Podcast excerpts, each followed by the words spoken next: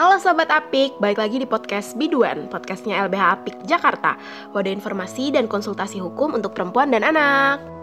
Nah, hari ini temanya cukup spesial nih Sobat Apik Karena tema ini tuh belakangan tuh jadi perbincangan nih Di kalangan uh, akademisi dan juga politisi juga nih jadi kita akan ngebahas mengenai peraturan pencegahan dan penanganan kekerasan seksual di kampus. Di mana kalau misalkan ada mahasiswa baru nih yang masuk ke satu kampus itu kan akan dikasih bahan edukasi ini untuk mahasiswa baru itu. Nah di dalam bahan edukasi itu katanya dari pihak Universitas Indonesia itu dapat uh, apa counter gitu. Jadi uh, ada salah satu politisi dari partai tertentu yang menyebutkan kalau salah satu dari isi mengenai lembar edukasi tersebut itu nggak pantas untuk mahasiswa baru nih sobat api. Makanya itu aku nggak mau nih lama-lama sotoy karena aku juga nggak tahu nih permasalahan itu seperti apa. Jadi kita akan langsung berbincang-bincang dengan dua narasumber kita yang memang kompeten dan uh, tahu banget nih mengenai uh, isu kekerasan seksual yang ada di dalam kampus. Ada Mbak Litwina Inge selaku pengajar FHUI yang turut ikut merancang SOP kekerasan seksual di kampus UI dan ada juga Kalisa Azima selaku Kepala Departemen Kajian Aksi dan Strategis BEM FHUI 2020. Nah, mungkin aku bakal mulai nih dari Mbak Inge dulu ya, Sobat Apik. Aku mau tanya dulu nih, gimana nih Mbak Inge? Halo, apa kabar? Terima kasih Sasa dari LBH Apik Jakarta yang sudah uh, hari ini udah berkenan ngobrol dengan saya uh, terkait dengan soal uh, penanganan kekerasan seksual di kampus. Uh, saya juga say hello dulu ke teman-teman uh, LBH Apik di, di yang kebetulan mendengar uh, obrolan kami bertiga ya. Nanti kan ada satu lagi ya. Iya betul. Dari Fasukum UI ya. Iya. Oke. Okay uh, mungkin saya kenalan aja nama saya Inge dari Fakultas Hukum uh, eh, UI uh, dan kebetulan saya juga uh, dosen di Klinik Hukum Perempuan. Oke. Oke Mbak Inge, mungkin lang langsung aja nih ya ke intinya nih Mbak Inge. Kan seperti yang kita tahu nih, kemarin salah satu bagian dari lembar edukasi berarti ya Mbak ya. Lembar edukasi mahasiswa iya. baru di UI itu sempat jadi perbincangan nih Aku boleh tahu nggak hmm. tanggapan Mbak Inge mengenai pernyataan salah satu politisi tersebut mengenai hmm. lembar edukasi yang diberikan ke mahasiswa baru waktu itu? Jadi begini, itu kan sebetulnya ya kita uh, dalam rangka untuk mencegah terjadinya kekerasan di kampus, kekerasan seksual ya. Mm -mm. Terus kemudian juga membangkitkan kesadaran teman-teman mahasiswa, terutama mahasiswa baru, supaya dalam uh, melakukan kegiatan di kampus jauh lebih aware uh, terhadap uh, apa namanya terhadap uh, bahaya kekerasan seksual ini kemudian bisa saling mengingatkan gitu ya mm-hmm. nah berangkat dari uh, berangkat dari keprihatinan itu maka kemudian uh, bersama-sama dengan uh, apa kawan-kawan yang lain kami juga mulai untuk memasukkan aspek edukasi terkait dengan kekerasan seksual di kampus okay. nah tetap, uh, uh, tetapi memang uh, kita kan juga ya perlu kemudian kemudian juga memetakan apa sih unsur-unsur yang ada di dalam bentuk kekerasan seksual itu. Mm-hmm. Salah satunya kan memang adalah kekerasan seksual itu sebetulnya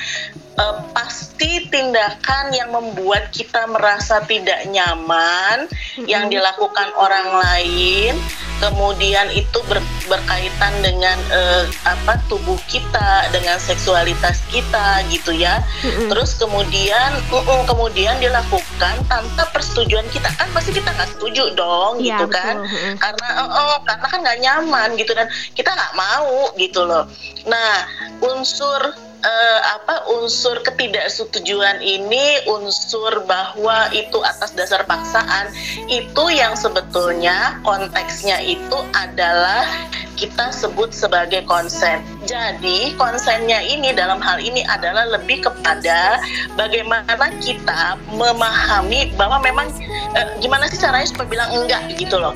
Atau misalnya gimana sih supaya kita lebih respect kepada tubuh kita atau bagaimana kita respect terhadap uh, tubuh orang lain gitu ya, otoritas uh, pribadi orang lain. Nah, Jadi uh, kalau kalau kemudian ada penafsiran bahwa kemudian eh UI ngajarin nih soal ke apa soal soal apa free sex gitu. Jauh banget. Justru kita pengen supaya anak-anak itu wait jangan main-main dengan tubuhmu gitu loh. Hati-hati, respect gitu kayak gitu. Jadi gitu Mbak. Oke. Okay. Berarti ada oh. salah penafsiran gitu ya Mbak ya dari si seksual konsen ini sendiri. Ya, saya kira uh, ini sih bukan bukan saya kira ya, tapi hmm. kalau dari uh, dari pengamatan saya, baik dari uh, video yang dikeluarkan oleh beliau, hmm. kemudian juga dari tanggapan uh, apa beberapa anggota masyarakat gitu ya, menurut saya mereka tidak memahami betul gitu dan tidak juga kemudian membaca secara teliti. Dan yang saya sayangkan ada juga orang dari UI yang kemudian tidak tahu tahu tentang materi yang sebenarnya tapi kemudian speak out gitu. Okay. Nah, ini kalau menurut saya uh, apa ya uh, apakah Anda tidak merasa bahwa justru uh, mahasiswa itu itu sebetulnya penting untuk mengetahui bahwa dirinya itu boleh mengatakan tidak dan harus mengatakan tidak justru gitu. Jadi dalam hal ini uh, dalam hal ini saya merasa bahwa ih kok gitu ya tanggapannya ya. Padahal kan kita justru ingin mahasiswa kita selamat gitu. Jadi uh, bahwa kemudian ada tanggapan yang seperti itu uh, apa ya uh, ya pertanyaan saya adalah jadi nggak mau ya generasi mudanya justru selamat gitu. Jadi kami justru bukan justru untuk menjerumuskan tapi ini adalah semacam pembekalan bahwa oke okay, hati-hati gitu. Uh, ada yang kemudian kalau engkau melihat seperti itu kayak yang ada isu bystander ya bystander hmm. itu kan uh, pihak ketiga yang boleh melaporkan gitu. Yeah. Ada isu bystander, jadi maksudnya kita sebagai peer group saling mengingatkan gitu. Ada juga kemudian isu uh, terkait dengan soal respect terhadap tubuh, tubuh kita, tubuh orang lain gitu. Nah, itu kan sebetulnya untuk membekali mereka dalam pergaulan gitu. Makasih Mbak. Oke, berarti sebenarnya yang dibahas dalam lembar edukasi itu sangat luas gitu ya Mbak untuk uh, apa istilahnya melindungi mahasiswa-mahasiswa baru ini dari ancaman kekerasan seksual seperti itu ya Mbak? Betul. Kan kan ada pepatah ya lebih baik apa istilahnya ya lebih baik menje, bukan ya mencegah membekali gitu ya ketimbang kita ketimbang kita misalnya tiba-tiba menangani dan kasusnya sangat banyak. Karena boleh dibilang bahwa budget untuk menangani kasus kekerasan itu kan jauh lebih besar daripada kita misalnya harus melakukan edukasi gitu. Lebih baik ya kita edukasi dulu. Sebenarnya di edukasi di universitas itu itu udah agak telat. Harusnya itu di edukasi itu di keluarga. Tapi kan nggak semua keluarga nggak uh, semua keluarga gitu ya mau misalnya uh, menjawab pertanyaan anak-anaknya terkait dengan seksualitas. Nggak semua keluarga mau membekali anak-anaknya dengan seksualitas. Kebanyakan keburu dimarahin. Nah terus kemudian jangan ngomong soal ketahanan keluarga deh gitu. Kalau gitu caranya. Yang namanya ketahanan keluarga kan justru harus kemudian mengajarkan bahwa seksualitas terhadap anak itu adalah hak otoritas si anak dia harus mampu menghormati dirinya sendiri tapi dia juga harus mampu menghormati tubuh orang lain itu itu sih oke okay. oke okay.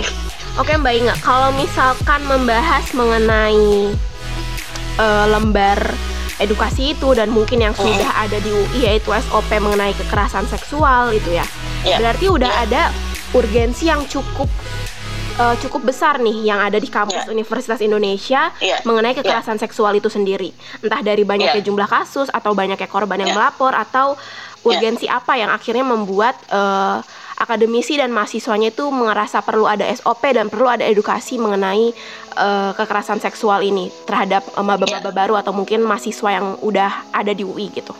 Ya, Baik, Mbak Sasa. Jadi prinsipnya begini, sama seperti uh, sama seperti tindak pidana lainnya, seperti misalnya pembunuhan gitu ya. ya. Satu saja sudah terlalu banyak gitu. Kasus kekerasan seksual, uh, uh, mohon nggak dilihat kuantitasnya, tapi satu saja sudah terlalu banyak.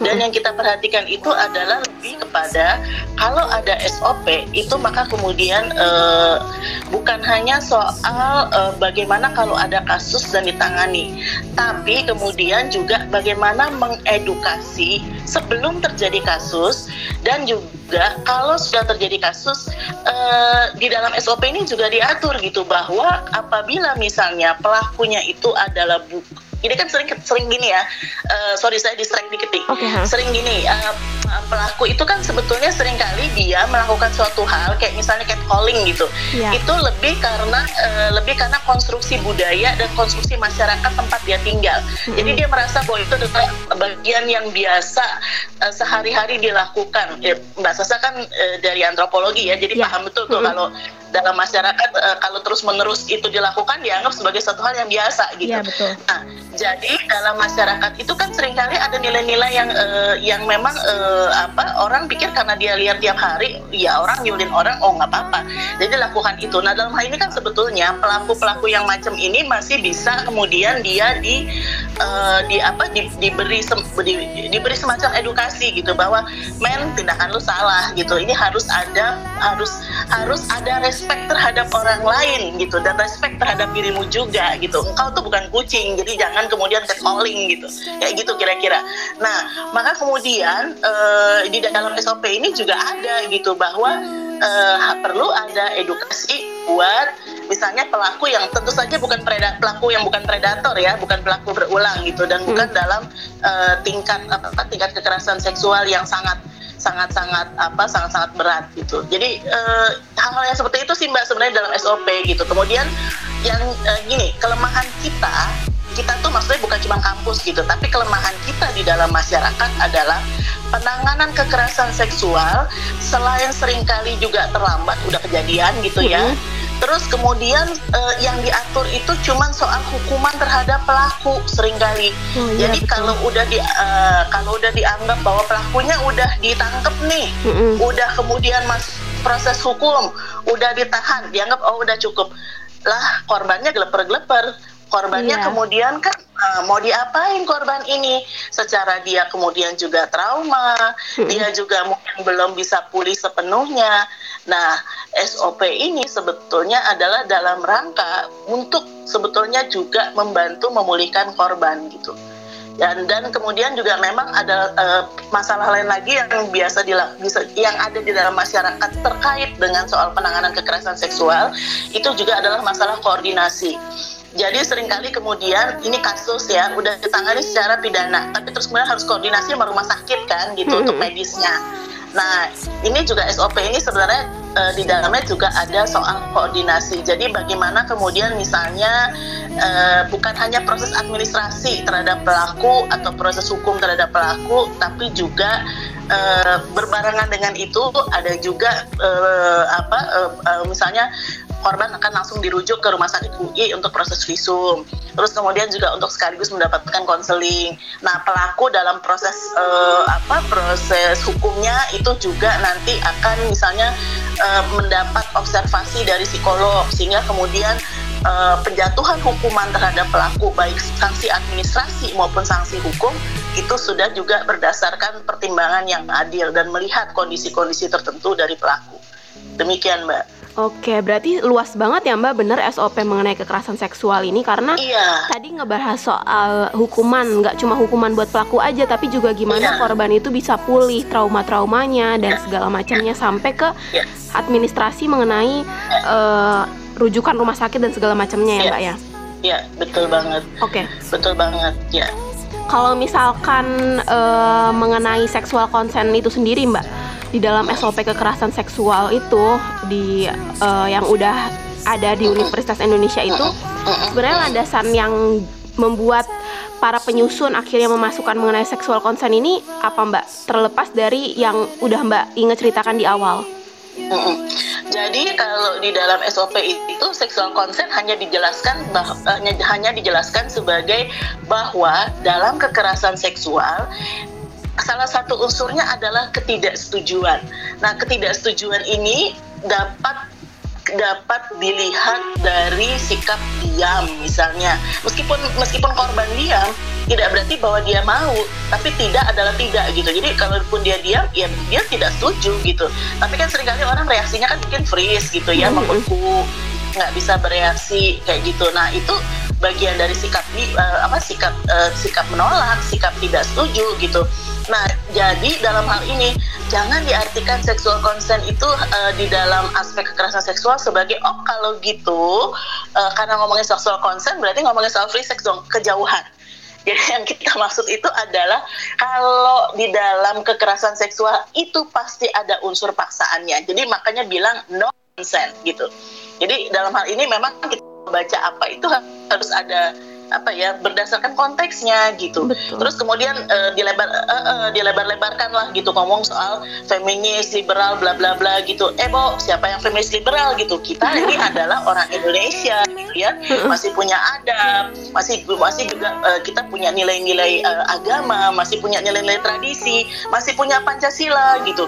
Jadi uh, kecuali kalau memang standarnya mereka berbeda, I don't know gitu. Tapi menurut saya dalam hal ini uh, kita masih tetap pada rules, pada nilai-nilai masyarakat Indonesia.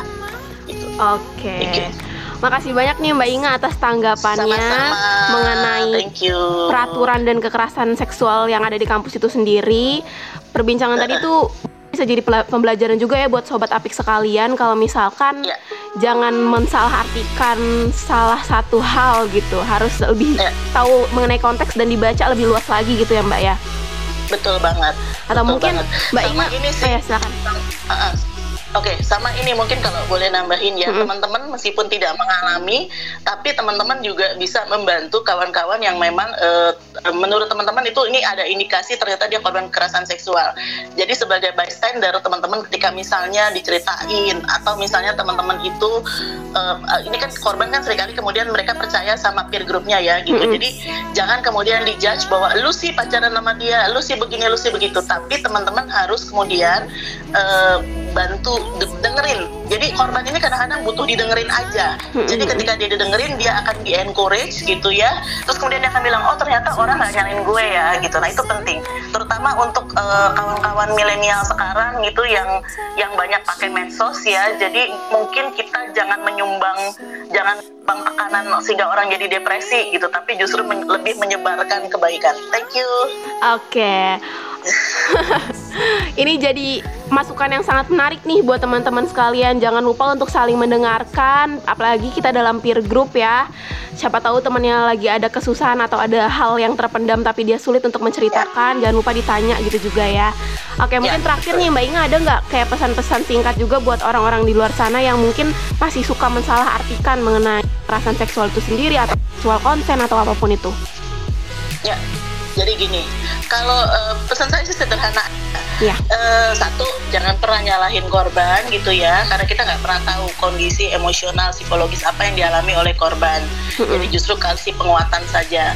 Nah, yang kedua terkait dengan konsen, percayalah UI itu tidak akan mengajarkan soal uh, free sex. Justru di UI itu yang menjadi keprihatinan adalah bagaimana caranya kemudian membuat mahasiswa itu menjadi aware dan respect baik terhadap perlindungan terhadap tubuhnya sendiri maupun terhadap yang lain. Dalam hal ini kita kita ya gitu, dan teman-teman kolega dosen yang lain justru ingin menjaga mahasiswa kami. Demikian, terima kasih. Oke, terima kasih banyak Mbak Inga atas waktunya. Ya. Maaf ya tadi sempat keputus juga. Ya, makasih Thank banyak yang Mbak Inga. Salam buat teman-teman Apik ya. Iya, oke. Mungkin sekarang kita bisa lanjut nih ke narasumber yang kedua yaitu Kalisa Azima dari BEM FHUI. Oke. Apa kabar nih Kalisa? Gimana nih sejauh ini perkuliahan online? uh, syukur baik sih, ses kayak ya mau gimana ya kalau covid kayak gini harus online. Iya betul banget ya. Makin susah nggak sih kalau online tuh jadinya segala-galanya? Uh, sebenarnya dibanding susah lebih kayak nggak biasa sih. Kayak misalnya tugas harus uh, internet memadai dan segala macam gitu jadi harus adaptasi ulang ya mm -mm. oke mungkin aku mau langsung aja nih ke topik yang akan kita bahas nih. Kalau dari pandangan kamu sendiri melihat seksual konsen itu tuh seperti apa sih? Uh, uh, sebenarnya seperti yang aku bilang kan kalau masyarakat umum tuh suka mengasumsikan sexual consent berarti kita mendorong hubungan seksual secara bebas. Mm-hmm. Tapi interpretasi itu tuh kalau menurut aku sendiri tuh terlalu jauh ketika ngebahas sexual consent dalam lingkup kekerasan seksual. Uh, ketika adanya edukasi sexual consent itu sendiri, fokusnya adalah bahwa uh, pengajaran dari sexual consent agar tidak terjadi kekerasan seksual yang di mana biasanya kekerasan seksual itu terjadi karena adanya paksaan.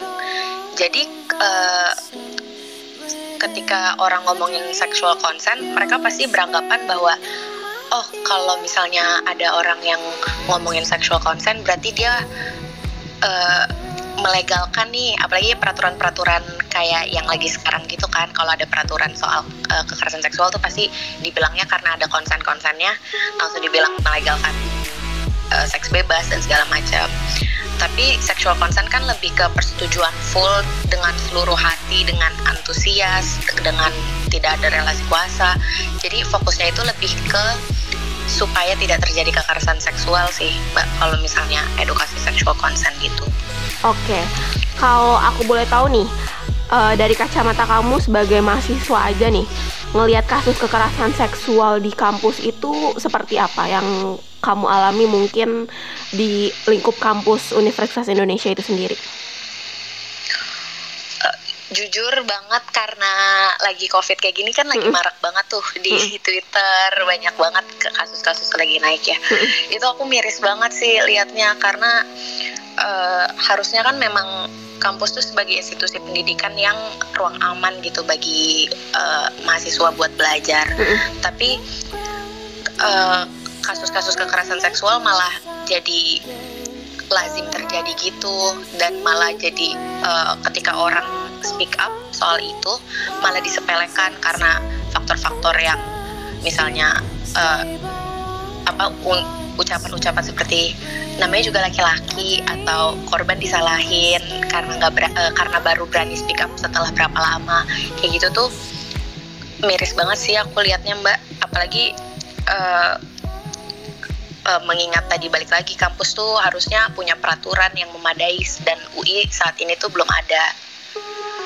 Hmm, oke. Okay. Kalau misalkan berkaca dari kasus-kasus kekerasan seksual di kampus nih ya, kan kita udah banyak uh, banget orang-orang uh, masyarakat umum yang bilang kalau misalkan tuh fenomenanya itu seperti fenomena gunung es gitu kan, nggak habis-habis, bakal terus nambah lagi kasus, nambah lagi kasus gitu.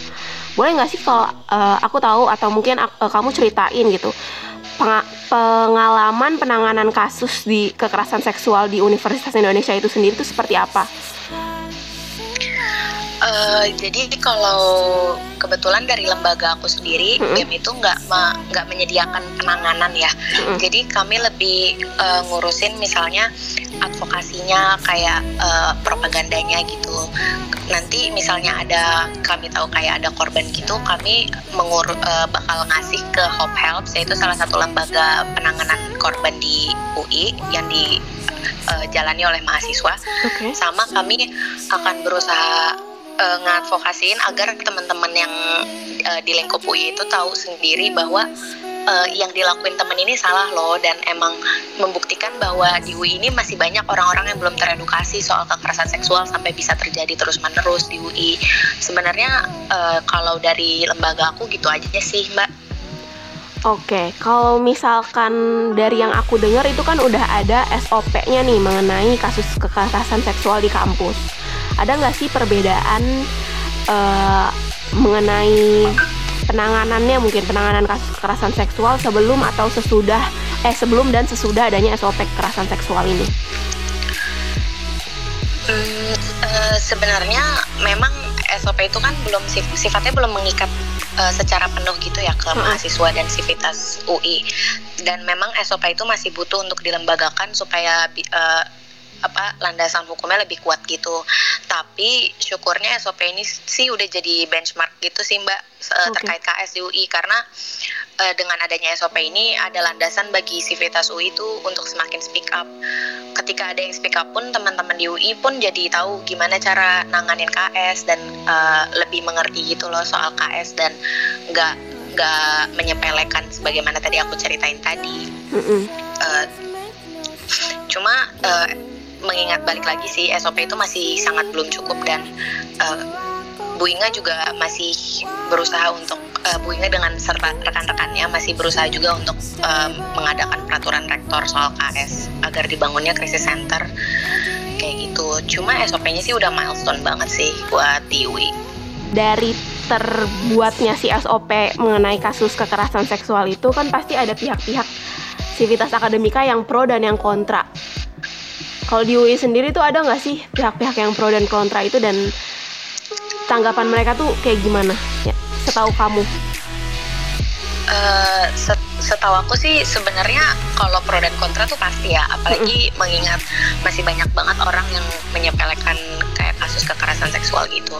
Cuma uh, biasanya yang setahu aku uh, narasi kontranya adalah balik lagi soal uh, mendorong seks bebas, terus uh, LGBT dan segala macam gitu. Padahal ketika ngomongin regulasi terhadap kekerasan seksual itu ya udah kekerasan seksual aja yang uh, yang diatur nggak ke mana-mana gitu sebenarnya cuma kan orang-orang kayak masih banyak ya yang termakan miskonsepsi gitu Hmm, tapi dari si Vitas kampusnya sendiri ada ya yang merasa kalau misalkan itu menyesatkan gitu ada ya?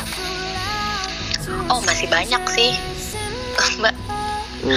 Kayak uh, kalau seandainya udah selesai harusnya lembaga aku udah nggak ngadvokasiin lagi tapi sampai sekarang udah bertahun-tahun masih terus-terusan diadvokasiin yang terlibat itu dalam advokasi mengenai SOP itu siapa aja sih kang kalau boleh tahu uh, jadi ada dua dosen itu uh, Bu Inge sama -hmm. uh, sama Mbak Yayas, -hmm. uh, Mbak Yayas dari dosen FIB sama Bu Inge tuh dari dosen FH, -hmm. sama dulu tuh uh, nama uh, sama Mbak Diva Syafira itu dulu selaku uh, korbit uh, BMFAUI juga okay. korbit satu. Mm.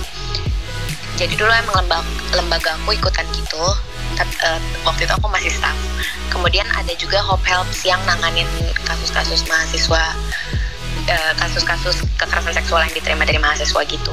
Uh, ketika kita ngaudiensiin uh, eh, SOP-nya itu itu juga barengan sama BMUI. Jadi BMUI juga turut uh, bantu untuk ngadvokasiin itu sih ke uh, rektor dan ke kemahasiswaan di UI. Berarti ada BMFH, ada BMUI, ada Hope Helps, sama akademisi tadi ada Mbak Inga dan Mbak Saras ya? Iya. Oke, berarti sekarang emang lagi diusung mengenai peraturan rektor itu ya? Iya untuk kasus kekerasan seksual di kampus gitu. Iya, jadi uh, uh, setahu aku tuh peraturannya itu tidak hanya jadi emang mengacu pada SOP itu. Hmm. Ditambah lagi uh, memang ada harapan juga untuk bisa bikin layanan terpadu gitu atau uh, biasanya disebutnya crisis center untuk menangani korban-korban kekerasan seksual di UI. Oke, mungkin uh, pertanyaan terakhir nih Kal kan belum itu kan masih diusung nih mengenai uh, SK rektor itu masih diusung dan berarti belum ada yang uh, benar-benar krisis centernya ini belum benar-benar terbentuk. Nah sejauh ini apakah uh, penanganan-penanganan korban-korban kekerasan seksual di kampus itu udah menurut kamu apakah udah benar-benar terlaksanakan dengan baik kah atau udah benar-benar melindungi korban kah atau seperti apa? Uh, menurut aku uh, instrumen hukum yang ada sekarang di UI itu masih jauh dari cukup sih mm-hmm. mengingat kayak uh, dari kasus RW yang dulu uh, pernah naik terus mm-hmm. uh, kasus-kasus kekerasan seksual yang terus-terusan di uh, diumbar di Twitter itu menunjukkan bahwa UI masih belum bisa untuk uh, melindungi mahasiswanya dari uh, kekerasan seksual. Oke, okay.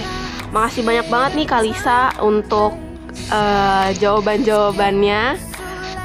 Berarti memang masih masih perlu banyak PR banget ya kampus untuk menciptakan ruang yang benar-benar aman untuk mahasiswanya ya. Iya, uh, masih banyak banget sih, Mbak. Mungkin Kalisa ada nggak nih pesan-pesan buat sobat apik sekalian yang mungkin akan mendengarkan podcast ini mengenai kekerasan seksual di kampus atau awareness, ngebangun awareness dan berbagai macamnya boleh dipersilahkan. Kalau mungkin pesan yang ingin aku sampaikan buat teman-teman yang dengar lebih ke uh, jangan takut untuk speak up jika teman-teman adalah korban dan juga jangan takut untuk membantu teman-teman yang butuh bantuan mereka sebagai korban karena uh, masih banyak banget terjadi di mana orang speak up dan orang lain malah uh, menyepelekan dan malah victim blaming dan segala macam gitu. Dan nggak bijak banget untuk ngelakuin itu uh, mengingat uh, korban kan nggak minta juga untuk dikenain kekerasan seksual ya.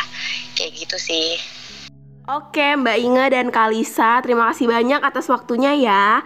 Podcast kita sampai di sini dulu nih Sobat Apik. Tetap dengerin podcast Biduan ya, karena kami akan terus menunggu masukan, saran dan kritik juga nih dari Sobat Apik sekalian.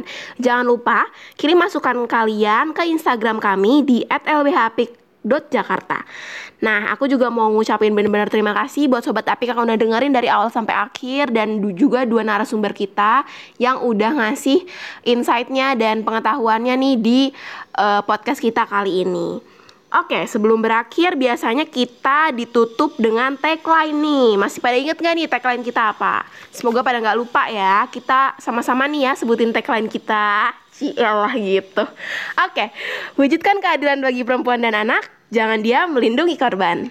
Bye-bye.